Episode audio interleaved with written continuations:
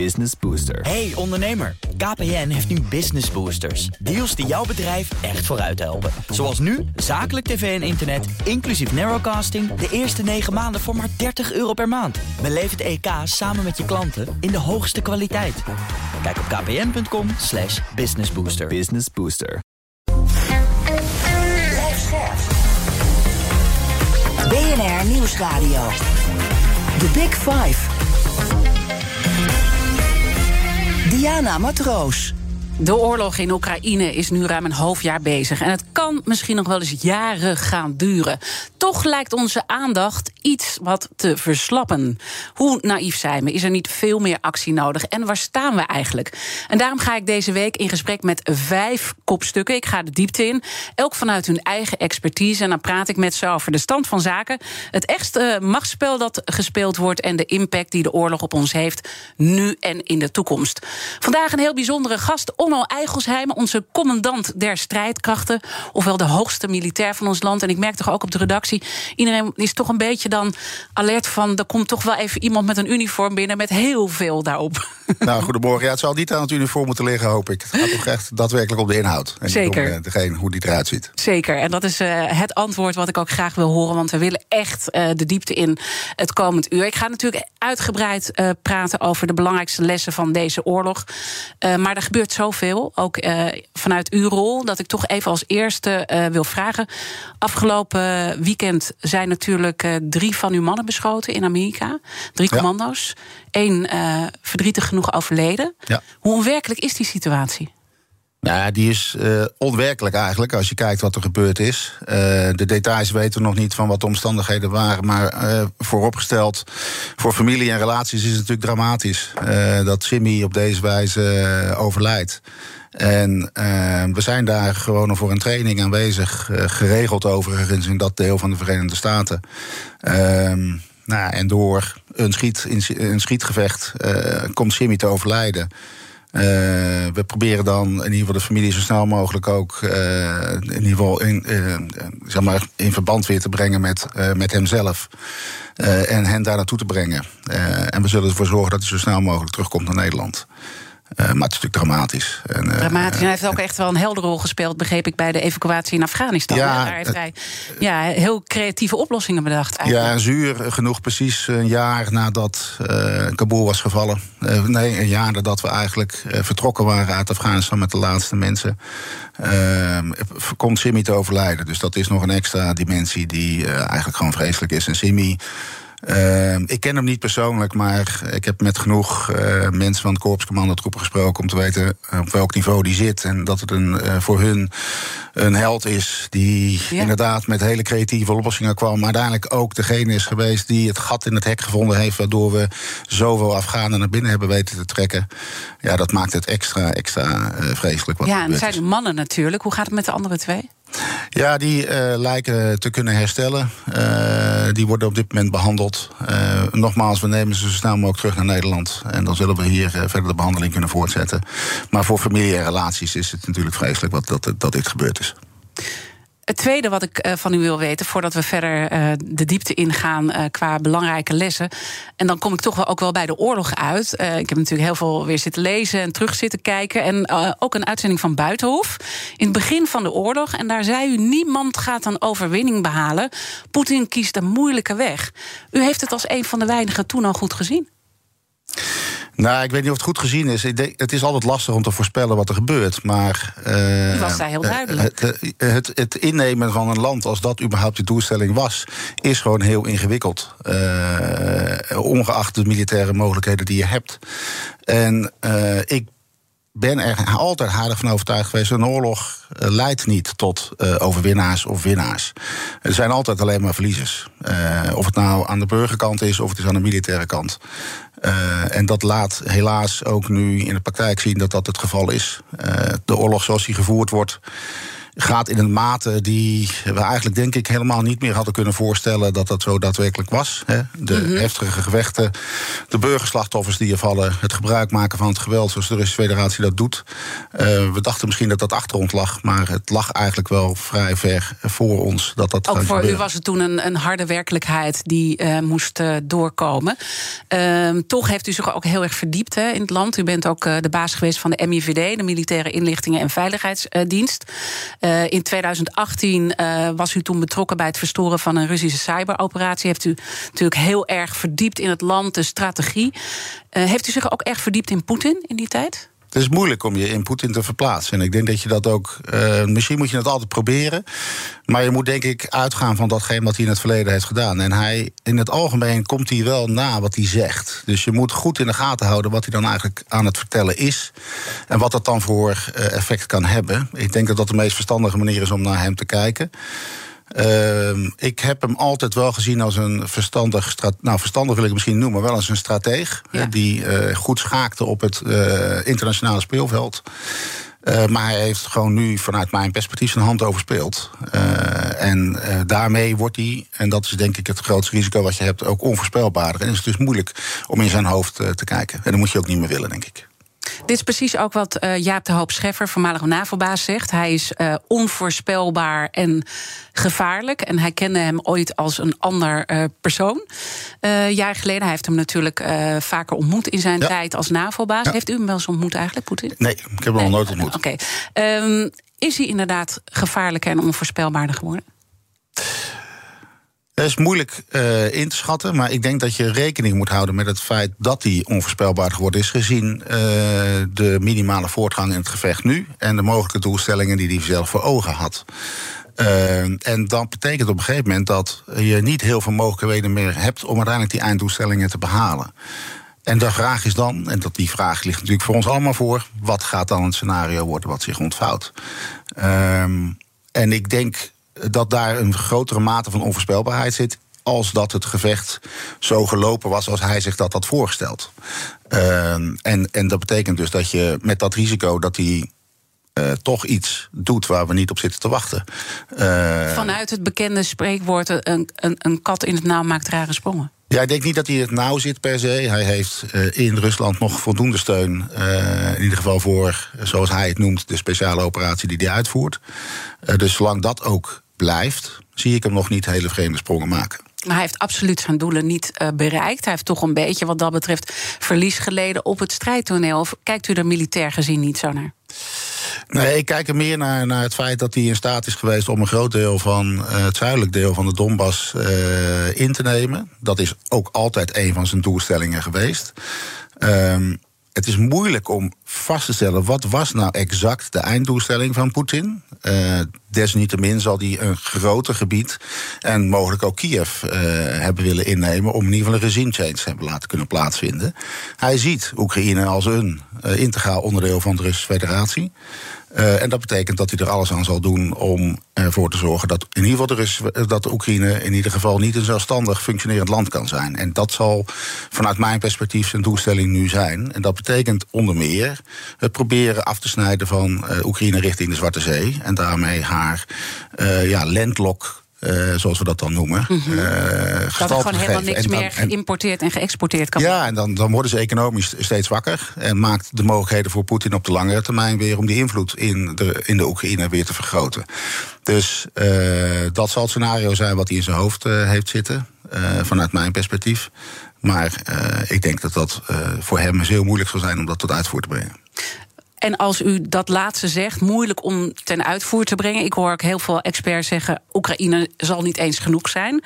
Hij wil uiteindelijk door. En het is ook een man die de tijd ervoor neemt. Want hij heeft dit ook al heel lang geleden aangekondigd dat dit ooit eh, zou gebeuren. We weten natuurlijk ook 2014 in Krim en alles wat er omheen is gebeurd. Ook met eh, MH17. Ehm, Maakt u zich nog ergens in een bepaalde manier zorgen over een derde wereldoorlog? Want dat merkte ik aan het begin van de oorlog, dat experts echt daar zorgen over hadden van dit mag je niet onderschatten. Dit kan totaal uit de hand lopen. Ja, een derde wereldoorlog vind ik altijd een groot woord. Uh, ik denk dat we al in een continu conflict met elkaar zitten. Dat zaten we al met de Russische Federatie. Daar was, eh, zoals het voorbeeld wat je net noemde, de cyberoperatie hier in Nederland ook een voorbeeld van. Dus er is al uh, jarenlang sprake van een conflict. Uh, en ik denk dat dat ook de nieuwe realiteit is. Dus je moet niet meer spreken over een grote wereldoorlog. Maar je moet spreken over een uh, permanente conflict situatie waar je in terecht bent gekomen. En daar zul je je als Nederland, maar binnen het bondgenootschap tegen moeten gaan weren. En ik denk dat dat een veel belangrijker element is. waarbij oorlog niet zozeer het woord is, maar conflict veel meer het woord is. En het niet alleen een conventioneel, zoals we dat noemen, conflict is, waarbij militair uh, inzet plaatsvindt, maar er ook een heleboel andere factoren een rol spelen. Neem het gas, neem het graan, neem het cyberdomein. Dus dat is iets wat in een continu, zoals ik dat noem, strategische competitie uh, gebeurt. En. Uh, en dat wordt dan in dit geval nog eens een keer extra versterkt door de inval van de Russische Federatie in Oekraïne. En beseffen we dat goed? Is, als u eigenlijk kijkt naar de publieke opinie, beseffen we dit? Want we zijn toch altijd bezig nou, als het maar weer over is. Ja, ik denk dat we ons dat. We beseffen het ons meer. Maar ik denk dat we ons nog onvoldoende beseffen. dat dit eigenlijk iets is wat gewoon de komende jaren gaande zal zijn. Uh, en dat we dus moeten accepteren dat we in zo'n competitie terecht zijn gekomen. En dat dat betekent dat je daar uh, maatregelen voor moet nemen. Um, en dat is op militair gebied dat je daar maatregelen moet nemen. Ik denk dat het belangrijkste is wat je doet, is dat je met je bondgenoten samenhorigheid blijft betrachten. Zowel richting de Oekraïne als, uh, als Europa, zeg maar, als machtsblok in de wereld. Uh, en ik denk dat je daar uh, veel meer de focus op moet leggen. Ik denk dat het kracht van de afgelopen periode geweest is dat zowel de NAVO als Europa gezamenlijkheid heeft getoond. Uh, en in dat bondgenootschappelijk verband in staat is geweest om in ieder geval Oekraïne zodanig te steunen dat de Russische Federatie een deel van haar mogelijke doelstellingen niet heeft weten te halen. En ik denk dat daar de kracht in zit. We zullen die samenwerking. Samen, ja, samen. Het moet samen. Uh, zowel nationaal als internationaal. The Big Five. Diana Matroos. Mijn gast is generaal Onno Eigelsheim, commandant der strijdkrachten. En uh, nou, van origine echt een luchtmachtman, hè? Ik kom uh, oorspronkelijk van de luchtmacht af. Als commandant der strijdkrachten heb je eigenlijk geen kleur. Dat neemt niet weg dat ik in een blauw pak hier zit. maar alle krijgsmachtdelen zijn mij dier. zijn mij dierbaar. En we hebben ze allemaal nodig. Ja, en u heeft vanuit die rol, en daarom vraag ik het eigenlijk ook gewoon natuurlijk heel veel meegemaakt. Uh, militairen zijn gewend om uh, onder druk te staan. En nu ligt er heel veel uh, op het bordje. Piekert u wel eens? Nou, piekeren. Ik denk dat het goed is om te piekeren, omdat dat betekent dat je tegen uh, problemen aankijkt waar je een oplossing voor ja. moet vinden. Als je dat piekeren noemt, dan klopt dat. Ja, het klinkt uh, altijd een beetje als vervelend woord of de boel niet onder controle is. Ja, en ik, zo bedoel ik het niet. Maar... Nee, maar het, het is ontegenzeggelijk zo dat ja. ik uh, continu moet blijven nadenken over A, het feit dat we vandaag de dag steun moeten leveren aan Oekraïne, de oostgrens moeten we beveiligen, maar ook ondertussen moeten nadenken over de versterking van de krijgsmacht naar de toekomst toe. En dat levert continu uh, momenten op dat ik keuzes moet maken en die moet overleggen met de minister. Dus ja, wat dat betreft pieker ik niet zozeer, maar zie ik wel dat er elke keer uh, beslissingen moeten worden genomen en dat er keuzes moeten worden gemaakt. En dat, ja, is, uh, en dat is, is mooi werk trouwens hoor. Schaken op veel borden en dat doet u natuurlijk ook met uw collega, commandanten der strijdkrachten in Europees verband. Wordt er daar veel gepiekerd als het over die oorlog gaat? Er wordt veel overleg gepleegd. Uh, um, er zijn verschillende fora waarin ik acteer in, uh, in zeg maar het internationale verband. Europa. Mm-hmm. Europa heeft haar uh, militaire commandanten met wie we ongeveer elke twee maanden, en dat hebben we nu geïntensiveerd afspraken maken over op welke wijze we Oekraïne kunnen steunen. Maar voornamelijk, en dat is de tweede internationale verband waarbij ik, waar ik natuurlijk in zit, is binnen de NAVO. Waarbij we met uh, de verschillende commandanten der strijdkrachten bespreken over op welke wijze moeten we nu uh, dat NAVO-grondgebied uh, beter gaan beveiligen en beschermen. En welke keuzes moet je daarin maken? Hoeveel eenheden zet je in aan de oostflank? Hoeveel mm-hmm. eenheden hou je achter om daar waar een probleem zich voordoet, daar heel snel op te kunnen reageren? Welke processen en procedures horen erbij. Hoe zorg je ervoor dat je de interoperabiliteit, zoals ik het noem, lees het feit dat onze voertuigen, onze vliegtuigen en onze vaartuigen goed uh, kunnen uh, samenwerken met onze partners binnen de NAVO. Hoe ga je dat nou beter doen? Mm -hmm. uh, en wat dus is dan het moeilijkste voor jullie? Het moeilijkste is, is dat je gewoon te maken hebt met een veelvoud van landen. Dat is gewoon zo. En die hebben allemaal een eigen belang, slash een gezamenlijk belang. Een land wat aan de oostflank ligt, zal die dreiging vele malen meer voelen ook andere behoeftes hebben dan een land wat verder weg ligt dan de Oostflank.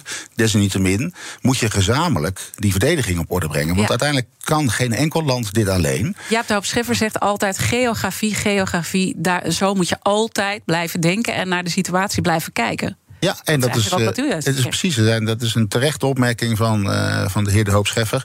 Uh, geografie ehm, is een belangrijke factor. Maar wat nog meer belangrijker is, is dat, denk ik de, ik wil het geen emotie noemen, hè, maar de dreigingsgevoel, en dat heeft met geografie te maken in een bepaalde regio, heeft een groot belang en invloed op de wijze waarop een krijgsmacht zich moet ontwikkelen. Nou, je noemt emotie. En uh, als we kijken naar emotie, dat stond echt ook centraal uh, deze week. En dat is natuurlijk voor u geen nieuws. Uh, uiteindelijk die energiecrisis, de hoge inflatie, zorgt er natuurlijk wel voor dat iedereen ook een beetje ongemakkelijk nu in die oorlog zit. Merkt u dat in Europees verband? Want u spreekt dan nou, met regeringsleiders. Waarmee we, waar wij eh, ook met de commandanten de strijdkrachten over spreken, maar inderdaad ook met regeringsleiders uh, in die gesprekken komt dat naar voren, is. Uh, dat die saamhorigheid die je nu hebt en die essentieel is om ervoor te zorgen dat je Oekraïne kunt blijven steunen. Je kunt Oekraïne niet laten vallen. Je zult dit gevecht uh, moeten ondersteunen wat Oekraïne doet, ook naar de toekomst toe.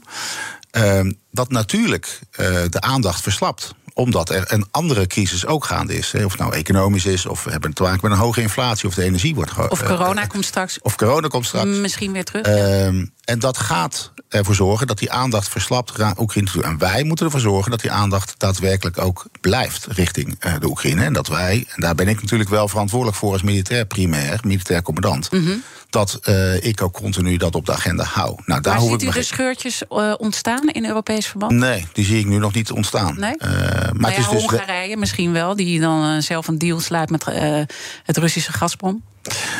Maar ja, nee, dat is te verwachten. De, de, de, ik zie nog niet op het militaire vlak dat we die scheuring uh, hebben. En okay. ik denk ook dat dat belangrijk is om dat dus ook vol te blijven houden. Omdat het ons, zoals ik in het begin al zei, die samenwerking is onze grootste kracht. Uh, en Uh, en dat vraagt dus ook heel veel energie van onze regeringsleiders, maar zeker ook van ons als militaire commandanten. Nou, en dat is ook wel een onderwerp wat we met elkaar bespreken.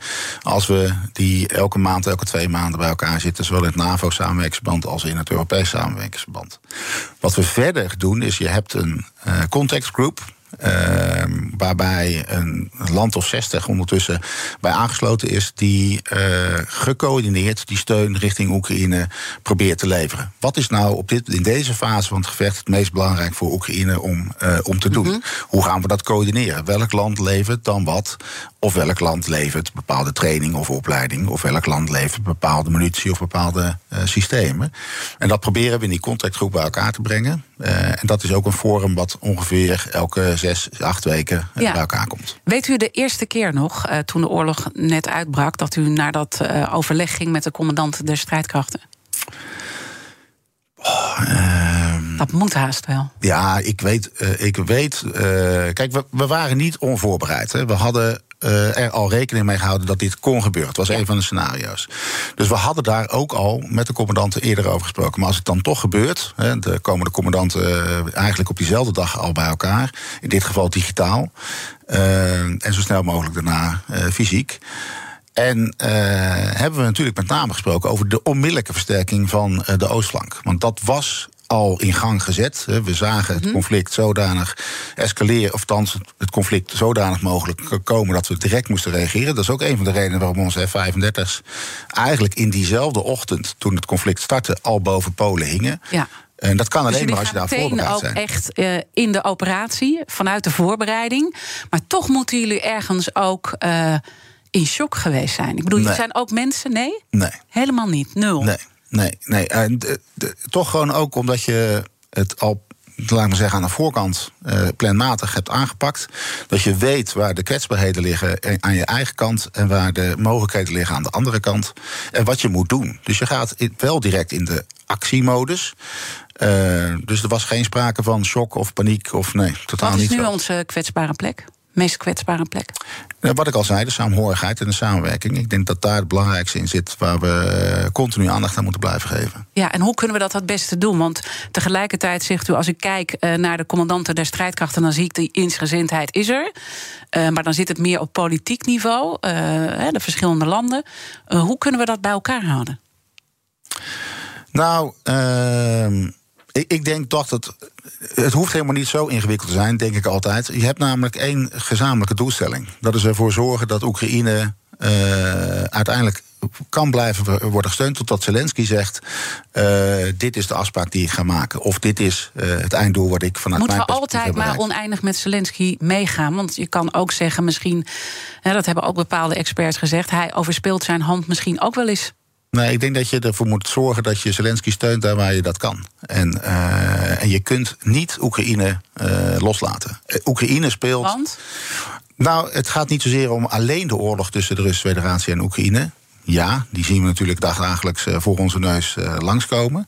Maar het gaat er ook om dat een ander land, een soeverein land, binnenvalt. En als je daar geen uh, paal en perk aanstelt, dan betekent dat ook iets voor mogelijk andere landen of in andere regio's dat men denkt: hé, hey, dat is ook makkelijk om eigenlijk toch met geweld iets af te dwingen. Dus door niets uh, te, of door, door Oekraïne te laten, het zelf te laten opknappen uiteindelijk, omdat wij te veel problemen op ons eigen bordje hebben, kan het veel meer gaan escaleren, eigenlijk ook naar ons toe. Ja, omdat dan uh, of de NAVO als zwak wordt gezien, of Europa als zwak wordt gezien. Uh, en dan in dat hele machtsspel, wat, wat ik net al noemde, in die strategische competitie in de wereld, denk ik dat je daar niet verstandig aan doet. Dus je zult dit uh, niet alleen moeten zien als een conflict tussen Rusland en Oekraïne, maar je zult het in een breder perspectief moeten zien, waarbij het belangrijk is dat we als Europa en als NAVO uh, onze kracht laten zien en die saamhorigheid mm -hmm. tonen. Arend-Jan Boekenstein, historicus, zei deze week uh, bij mij... de enige manier om dit te stoppen is Poetin militair te stoppen. En dan kan je je ook afvragen, is de enige uitweg uit e deze oorlog... toch dat de NAVO betrokken raakt in een oorlog? Er is nooit alleen een militaire oplossing voor conflicten als dit. Sterker nog, er zal altijd een andere oplossing moeten zijn. Die zit aan de politieke kant. Uh, en de NAVO zal uh, zich niet uh, begeven op het terrein van Oekraïne om uiteindelijk het gevecht met de Russische Federatie aan te gaan. Dat is de meest onverstandige uh, koers die je kunt varen.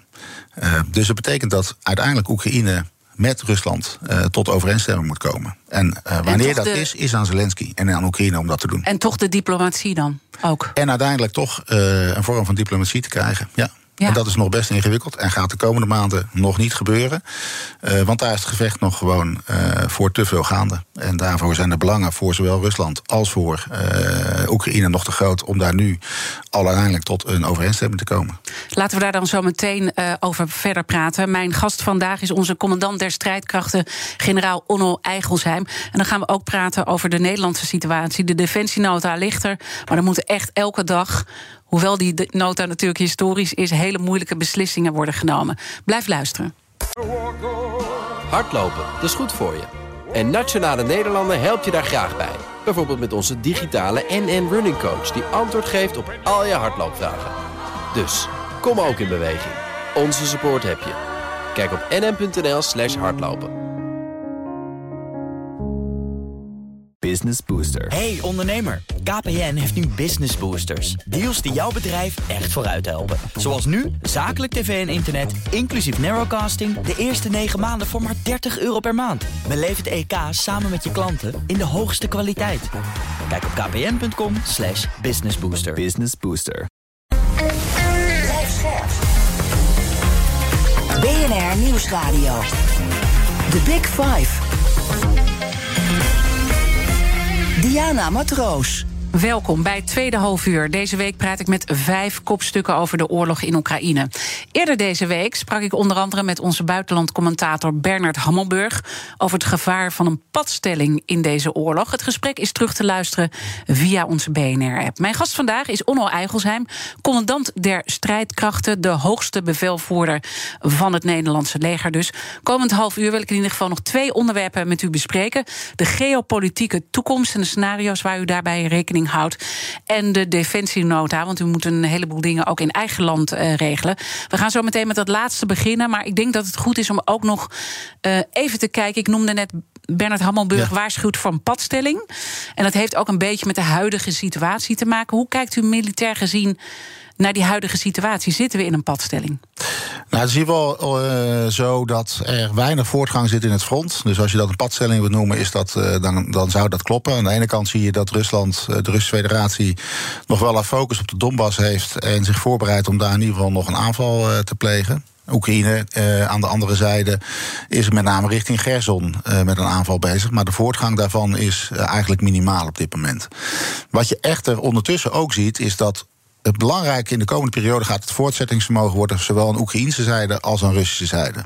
Dat voortzettingsvermogen is namelijk niet oneindig. Dus er zit een eindigheid aan aan de manier waarop je het gevecht kan voeren zoals het nu is. Ja, in die uh, soort van padstelling eigenlijk. dat kan je niet eindeloos volhouden. Nee, en dat betekent dat, uh, en dat is wat Oekraïne onder meer op dit moment aan het doen is, de aanvoerlijnen, de logistieke lijnen, de hoofdkwartieren uh, en de voorraaddepots van de Russische Federatie onder vuur neemt. Om ervoor te zorgen dat uiteindelijk eigenlijk die voortgang er niet meer is. Uh, nou, en dat zal, denk ik, uh, vanuit mijn perspectief als uh, tegenreactie op de Russische Federatie zijn dat zij zich gaat voorbereiden op het behouden van het terrein wat ze nu heeft. En zich in de komende tijd, de winter komt eraan, hè, zes tot acht weken uh, ja. heeft Oekraïne daar al mee te maken. Nou, dan is het in het algemeen uh, lastig om het gevecht nog goed te kunnen voeren. In het begin te nat. Op een gegeven moment wordt het wel bevroren. Is je mobiliteit wel weer wat omhoog gegaan? Kun je je wat meer uh, je eenheden laten bewegen? Maar uh, het scenario wat ik wel meer voor ogen zie gebeuren nu... is dat de Russische Federatie het terrein wat ze heeft... zal gaan proberen te behouden. Deels omdat dat voortzettingsvermogen uh, op dit moment door Oekraïne wordt uh, bevochten. doordat die aanvoerlijnen worden beschoten. en daarmee kom je volgend jaar in een situatie terecht... dat je meer over de padstelling kunt spreken waar je, nu over, waar je het nu over hebt... Uh, maar daar zal denk ik de focus van het gevecht de komende periode op liggen. Dus Oekraïne voornamelijk de aanvoerlijnen bestrijden. Uh, om daarmee ervoor te zorgen dat dat voortzettingsvermogen van de Russische Federatie wordt verkleind. Ja, maar eigenlijk gaat iedereen dan dus hergroeperen in de winter. En ja. in de lente dan weer volledig los. Dat, dat is een beetje. Nou, afhankelijk van de situatie waarin je dan naar kijkt. Dat is moeilijk te voorspellen of dat zo het geval zijn. Maar. Uh, in normaal militair uh, optreden, zul je dan zien dat in het voorjaar er toch weer uh, een offensief plaatsvindt. En, en, en, kunt u aangeven wie er dan het sterkste voor staat? Hè? Het hangt natuurlijk ook van heel veel dingen af, van die solidariteit. Hè, weten wij die vast te houden? Uh, ja. Dat is misschien ook een beetje waar Poetin op hoopt dat wij uit elkaar vallen. Ja, heeft hij vanaf dag één natuurlijk op gehoopt dat Europa en de NAVO die solidariteit, solidariteit niet zou laten zien. Dat hebben we wel laten zien. Mm -hmm. En dat is ook essentieel om Oekraïne het gevecht te kunnen laten voeren zoals ze dat nu doen. Uh, dus die steun moet er blijven. Het moreel van Oekraïne is vele malen groter dan dat van de Russische zijde. Als dat wegvalt, heeft ook Oekraïne een probleem. Maar ik denk dat ze in staat zullen zijn om ook het moreel hoog te houden. Maar daar is dus die westerse steun, als je het zo mag noemen, wel essentieel voor. Als we dat de niet leveren. De, de wapenleveranties, de trainingen. Waar uw mannen ook bij betrokken en vrouwen bij betrokken ja. zijn. Uh, waar wij als Nederland een grote bijdrage aan leveren, inderdaad. Uh, als we, dat moeten we dus ook volhouden. Ja. En, uh, en dan zal er op een gegeven moment een. Nou, laat ik maar zeggen, een overeenstemming komen tussen de Russische Federatie en Oekraïne. Wat dat inhoudt, daar ga ik niet over. Uh, maar dat is wel het scenario wat zich nu gaat dus opbouwen. Op het moment dat er volgehouden wordt, dan ontstaat er eigenlijk ook een diplomatieke mogelijkheid. De, waarvan u zei, daar zijn we echt nu nog niet aan toe. Die ontstaat dan wel. Ja, als beide partijen zien dat hun voortzettingsvermogen eindig is. Ja. En ziet dat daar dus eigenlijk geen beweging meer in het front te krijgen is. Dan zal het moment zich voordoen dat er uh, overleg gaat plaatsvinden. Maar daar zijn we de komende maanden nog niet aan toe. Nee, en dan uh, nou, hoor ik ook een betrokkenheid die nog heel lang doorgaat. En ik denk dat het daar mooi is om de kettingvraag bij te pakken. En het eh, volgende onderwerp ook. De defensienota. Want het was natuurlijk historisch. Kwam heel veel eh, geld bij. Maar eh, mijn gast van gisteren, Jaap de Hoop Schiffer, voormalig secretaris-generaal van de NAVO, die had daar een hele goede vraag bij. Luister maar. Ik zou de commandant der strijdkrachten willen vragen naar zijn drie prioriteiten. Nu er gelukkig weer uh, financiële ruimte is voor, voor defensie. Uh, en daaraan gekoppeld uh, binnen welke termijn hij die drie prioriteiten gerealiseerd zou willen zien. Ja, die laatste is altijd zo snel mogelijk natuurlijk. Ja. Ehm, en die is ook wel direct het meest ingewikkeld. een goede vraag van de heer De Hoop Scheffer. Nou, wat zijn nou eigenlijk die prioriteiten? Het is een beetje een flauw antwoord wat je in eerste instantie zou geven. Ik ga dat, ik ga dat deels doen, maar daarna kom ik wel op de echte prioriteiten. ik, hoop het, ja. Ehm, dat is ons personeel. Kijk, het, het ontegenzeggelijk zo. De krijgsmacht heeft uh, haar operationele gereedheid, zoals ik dat noem. Dus de gereedheid en de snelheid waarmee je eenheden kunt inzetten, die moet omhoog. En een essentieel onderdeel daarvan zijn onze mensen. Ja. Gedeeltelijk omdat ik ze moet trainen en moet voorzien van de wapens en de munitie om die training naar een hoog niveau te krijgen. Dus dat is één van mijn prioriteiten. Ja, die moet, mensen moeten ook nog eens creatief zijn. En, uh, nee, maar ik, ik, moet ervoor zorgen dat we die voorraden zo snel mogelijk weten aan te vullen. Dat we de munitie aanschaffen. Dat we ervoor zorgen dat we de onderdelen hebben. Zodat we de spullen die we nu hebben ook beter kunnen laten functioneren. Vanuit die enorme kaalslag. Vanuit die enorme kaalslag van de afgelopen jaar. Dus dat is prioriteit misschien twee. Want prioriteit één is ervoor te zorgen dat het personeel wat we hebben, dat we dat behouden. En dat we dat naar een hogere getraindheid weten te krijgen. En dat we meer personeel uh, naar ons toe weten te krijgen dat is mijn belangrijkste prioriteit uh, voor de komende periode. Om ervoor te zorgen dat we dat gerealiseerd krijgen. Als we dat namelijk niet uh, op orde krijgen, dan krijg ik die operationele gereedheid ook niet naar een mm hoog niveau. Dus dat is die. En de derde is, uh, dus ik heb prioriteit eigenlijk personeel. tweede is een materieel zo snel mogelijk aanvullen. De derde is om die wendbaarheid van onze organisatie te vergroten. We zien dat we niet altijd de capaciteit nodig hebben, gezien de crisis die zich voordoet. Uh, niet de capaciteit in mensen of in materieel. Dus ik wil, we willen met elkaar in staat zijn om met organisaties in Nederland, met uh, bedrijfsleven, betere afspraken te maken, zodat je in een flexibele schil je organisatie kan versterken en vergroten op het moment dat daar de crisis om vraagt. en wat betekent dat concreet? Want u heeft eerder ook een oproep gedaan richting ondernemers, heb ik gezien. Ja, klopt. Het betekent eigenlijk voor mij twee dingen. Uh, zijn een ondernemende zender. Dus, personeelsuitwisseling. Ja. Uh, dat je, zoals we dat noemen, met reservisten naar een groter bestand toe gaat. Bedrijven hebben dan reservisten in hun organisatie zitten. Die krijgen, doordat ze bij Defensie werken, ook ervaring in leiderschap in het, in het bedrijf als, als Defensie. Dus daar krijgt het bedrijf wat voor terug. Maar ik moet ze kunnen inzetten op het moment dat de crisis daarom vraagt.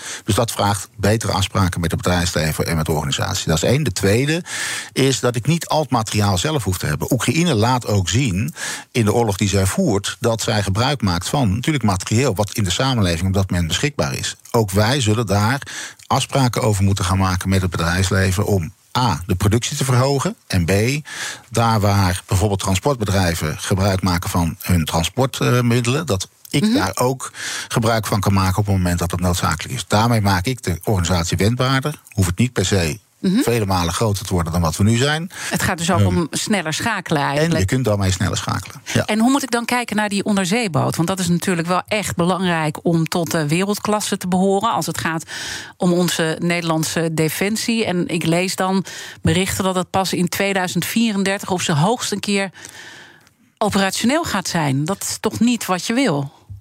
Nee, maar je moet ook reëel zijn dat uh, het, het bouwen van een onderzeeboot vraagt nou eenmaal een ingewikkeld uh, vaartuig als dit vraagt nou eenmaal veel tijd. Mm -hmm. uh, ontwikkeling, de uitvoering ervan.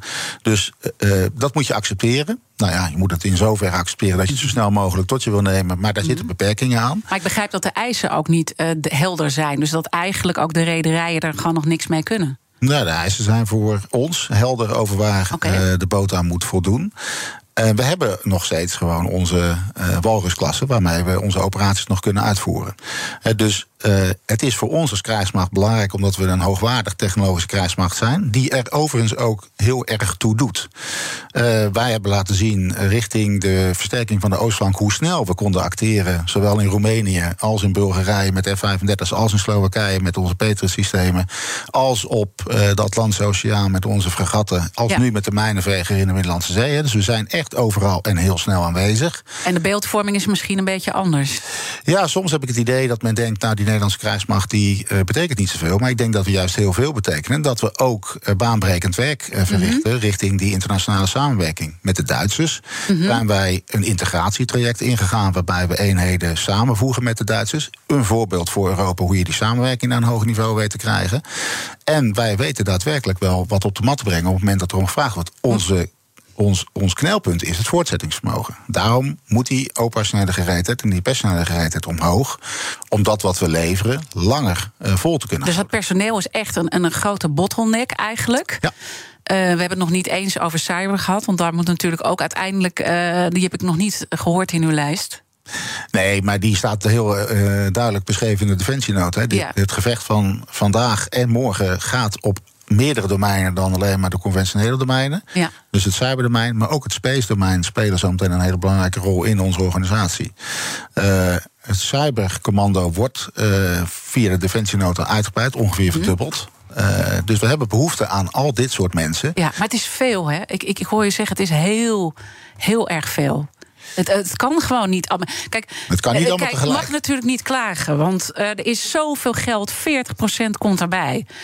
Uh, dan zit u niet meer in een positie dat u erover kunt klagen. Maar met alles wat er op het bordje ligt, het is toch gewoon uh, te veel. Ik noem ook nog even Ter Apel, waar jullie ook uh, moeten optreden. De, de, de, de, de militaire trainen vanuit Oekraïne. Het, het, duurt maar voort. wapens leveren, waarmee we uiteindelijk ook onze eigen wapens weggeven. Ik bedoel, dat, ja, het is prioriteit stellen die je elke dag moet doen. Het is niet te veel, het is veel. Uh, maar het kan nooit te veel zijn. Want nee, dat, u natuurlijk kwestie... niet zeggen, maar het is natuurlijk wel. Ja. Het is een kwestie van prioriteit stellen. En die moet je elke dag doen. De overleg hebben. Maar wat is dan het moeilijkste wat, wat, wat u daarin moet kiezen? Uh, ik denk dat, en dat geldt voor elke organisatie en dus ook voor Defensie, is wat moet ik vandaag doen en waar moet ik morgen voor klaar zijn? En dat wat je net schetst, vandaag moet er al heel veel. De, de, de, veiligheid aan de oostflank. Maar we hebben ook nog steeds Afrika, het Midden-Oosten. En ondertussen moeten we er ook voor zorgen dat we het zuiderdomein veilig houden. Dus dat vraagt vandaag de dag al heel veel van deze krijgsmacht. Als er een humanitaire ramp is, als er uh, een opvangcrisis is, als er uh, COVID is, springt de krijgsmacht bij. Dus het, het aan de ene kant, zoals we dat noemen, de current operaties draaiende houden in relatie tot hoe moet ik mijzelf ontwikkelen naar de toekomst. Dat is de grootste uitdaging. En current gaat altijd voor. Nou, dat hoeft niet zo te zijn. Als je ziet dat current zodanig snijdt in iets wat echt essentieel is voor de middellange of de lange termijn, dan moet ik daar uh, een advies over geven naar de en minister dus en zeggen: we doen dit nu welke niet. Welke keuze maakt u nou die, die ik misschien niet zo zou verwachten? Vanuit die, want er moet iets van het bordje af. Ja, nou, ik denk dat uh, een voorbeeld daarvan is bijvoorbeeld: je kunt aan de oostflank permanent een beschikbaarheid van je eenheden houden.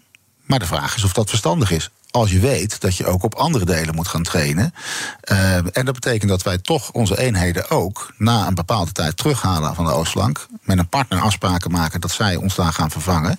En wij ons gaan voorbereiden op iets wat in de toekomst uh, ook moet gaan gebeuren. Dus dat is daar een voorbeeld van. En het tweede is, is dat je uh, in plaats van dat je heel snel iets vervangt of iets vervangt voor iets wat je had. Lees een panzerhouwitser, die vervangen voor een panzerhouwitser. Misschien moet je wel nadenken over. Hé, hey, over vijf jaar ontstaat er een andere situatie. Ik moet dat geld ergens anders gaan, aan gaan uitgeven. Aan? Ja. Uh, aan een ander wapensysteem, wat dan vele malen relevanter is. Welke? Uh, ja, dat is natuurlijk aan mij om daar uiteindelijk zo meteen nog van de defensienota te laten zien wat dat, dat moet gaan worden. Maar ja, dat, dat komt gaat, er wel. gaat dat u ga ik niet vertellen. Nee, jammer. Business Booster. Hey ondernemer, KPN heeft nu Business Boosters. Deals die jouw bedrijf echt vooruit helpen. Zoals nu, zakelijk tv en internet, inclusief narrowcasting... de eerste negen maanden voor maar 30 euro per maand. Beleef het EK samen met je klanten in de hoogste kwaliteit. Kijk op kpn.com slash businessbooster. Business Booster. Hardlopen, dat is goed voor je. En Nationale Nederlanden helpt je daar graag bij. Bijvoorbeeld met onze digitale NN Running Coach... die antwoord geeft op al je hardloopvragen. Dus, kom ook in beweging. Onze support heb je. Kijk op nn.nl slash hardlopen. BNR Nieuwsradio. The Big Five. Diana Matroos. Je luistert naar BNR's Big Five van de oorlog in Oekraïne. Gisteren sprak ik met voormalig NAVO-baas Jaap de Hoop Scheffer. Hij is al veelvuldig gevallen in deze uitzending. Ik sprak met hem ook over de Europese eensgezindheid... en het veranderende geopolitieke machtsspel. Het gesprek is terug te luisteren via bnr.nl. Mijn gast vandaag is commandant der strijdkrachten Onno Eigelsheim. Uh, voordat wij ook over dat geopolitieke spel nog komen te spreken... in de luttele minuten die ons nog resten, helaas... Um, is het de mogelijkheid om ook nog even een korte bondige vraag te stellen aan de volgende gast van volgende week. Dat is Doekle Terpstra, voorzitter van Techniek Nederland.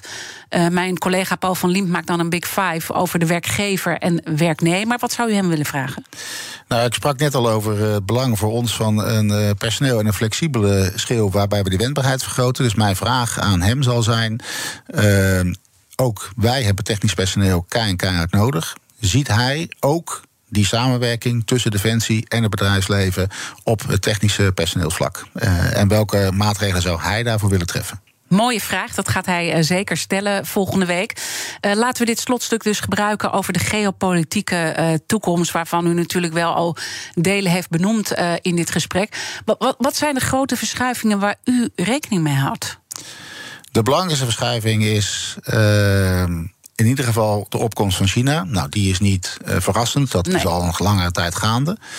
Maar het, er zit wel een versnelling in. Uh, zowel uh, zeker op mijn uh, vakgebied, waarbij we zien dat het militair vermogen van China fors aan het groeien is. waarbij je eigenlijk ervan uit kunt gaan dat zij vanaf 2030 ongeveer de grootste militaire macht in de wereld zijn.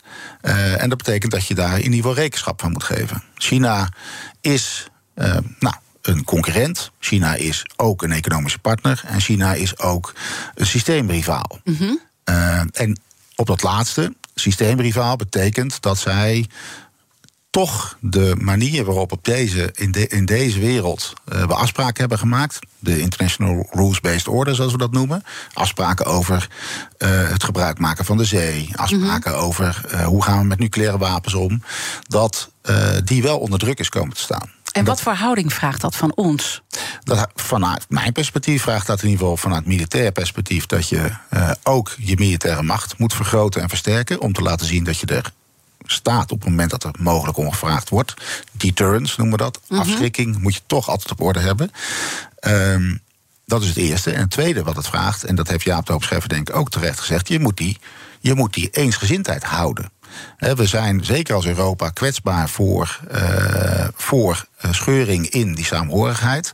En je zult je ten aanzien van China uh, toch als uh, mm -hmm. eenheid moeten gaan manifesteren. Wil je als Europa toch nog een machtsblok blijven vormen in die ontwikkeling die China op dit moment ondergaat in de wereld. Wat hij ook zei, is dat we ons ook veel meer moeten verdiepen uh, in de andere landen. Hè? Want we denken soms als Westen dat we nog echt wat voorstellen. Maar onze positie op het wereldtoneel is echt uh, kleiner geworden. Uh, we zien dat er een nou ja, grote militaire training vanuit de Russen is gestart samen met de Chinezen. Maar nu ook met Indiase soldaten samen. dat India, dat is dat Vostok 2022 heet ja. die oefening. Wat zegt het dat India nu ook meedoet? Nou, we begonnen denk ik het gesprek over. We, zijn, we hebben ja? even in het gesprek ook aangeraakt hoe belangrijk Oekraïne is. Uh, en landen als India zullen, en ik denk dat Jaap de Hoofdschrijver dat zelf gezegd heeft, op het hek zitten om te kijken naar welk kamp ga ik eigenlijk vallen. Precies. En uh, we kunnen het heel vervelend vinden, maar machtspolitiek speelt een belangrijke rol nu, maar gaat nog een grotere belangrijke rol uh, spelen in de toekomst. En dat betekent dat een land als India uh, valt naar daar waar zij denkt dat ze het meeste gewin kunt halen. Maar dat zij dus nu al meedoen aan die Russische militaire training, wat zegt dat? Ja, dan? India heeft altijd een goede verhouding gehad met de Russische Federatie. Dus daar maak ik me nu niet direct zorgen over. Uh, ze mm -hmm. zijn ook afhankelijk van Rusland ten aanzien van de wapensystemen die ze hebben. Want ze hebben uh, veel Russische wapensystemen. Dus ik vind dat niet onlogisch dat zij daaraan deelnemen. Maar het grootste risico zit hem dus in de langere termijn. Ja. Dat je moet laten zien als Europa dat je ervoor staat. Afrika? Uh, en dat betekent dat uh, waar China ja, invloed uitoefent, overigens ook de Russische Federatie in bijvoorbeeld het Afrikaans continent, waarbij. Uh, ze door middel van economische hulp of door andere hulp proberen om in ieder geval dat land, die landen in hun kampen te krijgen. Het hoeft niet per se dat ze zich dan daar direct op over uitspreken, maar het kan zijn dat er momenten zijn dat ze steun nodig hebben van meerdere landen dan, uh, dan zichzelf, als Afrikaanse landen. Dan helpt het als je daar al een footprint hebt. Ja, natuurlijk. Uh, en, en, dus moeten wij ook zorgen dat we daar een footprint krijgen. En, hoe... en, en, dus moet je ervoor zorgen dat je ook zelf als Europa die steun, of als Europa, als westerse wereld, toch ook nog die steun daar levert. Uh, in, in die Afrikaanse landen. Op de manier waarop ook Afrika dat van je vraagt. We moeten misschien ook leren te luisteren naar wat Afrikaanse landen nodig hebben. En daar onze hulp veel meer op baseren. En dat, en dat vraagt misschien ook een andere houding. Dat we daar niet een beetje arrogant naar kijken. Nou ja, wat weten zij dan? Ja, ik denk niet dat we arrogant zijn in nee, dat. Nou, we willen altijd wat, hulp Maar wat, wat, wat, wat, bedoelt u dan? Want we zijn natuurlijk wel vanuit een bepaalde optiek... dat we altijd naar Afrika kijken. Misschien moet dat wel een beetje veranderen dan. Nou, je moet in ieder geval... en ik denk dat er de lessen zijn die we ook wel uit het verleden geleerd hebben... je moet in ieder geval niet jouw manier van uh, democratie of jouw manier van, uh, van leven denken te kunnen projecteren op het land waar je op dat moment hulp verleent. Mm -hmm. uh, elk land heeft zijn eigen uh, kenmerken en eigenaardigheden, als je ze zo mag noemen. En daar moet je ook rekenschap van geven. Dus ik denk wel dat we daar meer van kunnen meer leren. Meer moeten toe moeten. Ja. Um, ik merk gewoon dat ik gewoon helemaal gek word als ik naar die, naar die klok kijk. Want een, een, een belangrijk punt, en daar zit ook wel een grotere vraag nog uh, achter... van hoeveel conflicten kunnen we aan? Iets wat weinig aandacht krijgt is het conflict op de Balkan op dit moment... wat lijkt op te leiden. De ene expert zegt nou het zal wel meevallen. En de andere expert zegt nou dat kan best wel eens uit de hand lopen. Het is echt een uh, gespannen situatie. Is dat het grootste gevaar eigenlijk nog wat op ons af kan komen? Dat er nog een conflict bij komt? Want dit kunnen we al nauwelijks aan, heb ik het idee. Nou, het voordeel is dat je uh, in ieder geval niet alleen bent. Dus je hebt altijd het bondgenootschap, de NAVO, uh, waar je op kan terugvallen. De Balkan is wel een explosief uh, geheel nog steeds. Uh, we zijn gelukkig daar nog steeds aanwezig, ook met onze NAVO-partners. Maar uh, het is wel een gebied waar je wel continu aandacht voor moet, voor moet hebben. Dus het, ik zou het ook heel logisch vinden, of wij vinden het heel logisch, als we daar ook meer steun aan gaan verlenen in die regio. Om ervoor te zorgen dat, die, dat je dat veel beter kunt stabiliseren. Het is ik ben zelf in Bosnië geweest, een aantal keren in 94 en daarna. het is een regio die ook niet zomaar vanzelf herstelt. Dus je zult daar met Europa aandacht voor moeten, aan, aan moeten geven. Mm. En ook op militair Kunnen we dit aan, al die conflicten bij elkaar? Ja, dat kunnen we aan. U kunt ook niet anders zeggen, hè, eigenlijk. Nee, maar dat, ik, ik, nogmaals, we doen het niet alleen. We zijn in een bondgenootschap, uh, zoals de NAVO, maar ook met uh, onze partners binnen Europa. En uh, we kunnen echt die conflicten aan, mits we maar samenhorig blijven en samen blijven werken. En dus daar ligt echt de lijn steeds meer Europese samenwerking, ja. maar geen Europese defensie. Nee, ik, uh, ik denk niet dat wij naar een Europese defensie gaan. Wat we wel moeten versterken is de samenwerking. Ik benoemde al de integratie die we doen met Duitsland, maar ook de interoperabiliteit. Het beter kunnen laten samenwerken van de defensieorganisaties in Europa. Uh, en ik denk dat we eerst dat pad maar moeten aflopen. Uh, maar ik, ik ben nu geen voorstander van een Europese defensie. Is uw werk leuker geworden, boeiender? Ja. Waarom? Um, omdat uh, Defensie doet er altijd toe. Nu is het wat zichtbaarder voor de wereld. Uh, en ik denk dat dat ook mooi is om te zien. Maar werken voor een organisatie als Defensie, waarbij je vrede, veiligheid kunt brengen. Dat is, er is niks moois dan dat. En uh, ik ben blij dat ik daar nu mijn steentje aan kan bijdragen. Heel erg dank uh, voor uw komst, want ik weet dat u een uh, moordende agenda uh, heeft. En daar zijn we heel blij mee dat we dit uur hebben kunnen doen met u. Onno Eigelsheim, onze commandant der strijdkrachten. En natuurlijk zijn alle afleveringen van BNR's Big Five zoals altijd terug te luisteren. Abonneer je op onze podcast via onze app of je favoriete podcastkanaal. Maar blijf vooral live. Zometeen BNR brengt met Kees Dorrestein. Ik wens je een prachtig weekend. Hardlopen, dat is goed voor je. En Nationale Nederlanden helpt je daar graag bij. Bijvoorbeeld met onze digitale NN Running Coach... die antwoord geeft op al je hardloopvragen. Dus, kom ook in beweging. Onze support heb je. Kijk op nn.nl slash hardlopen.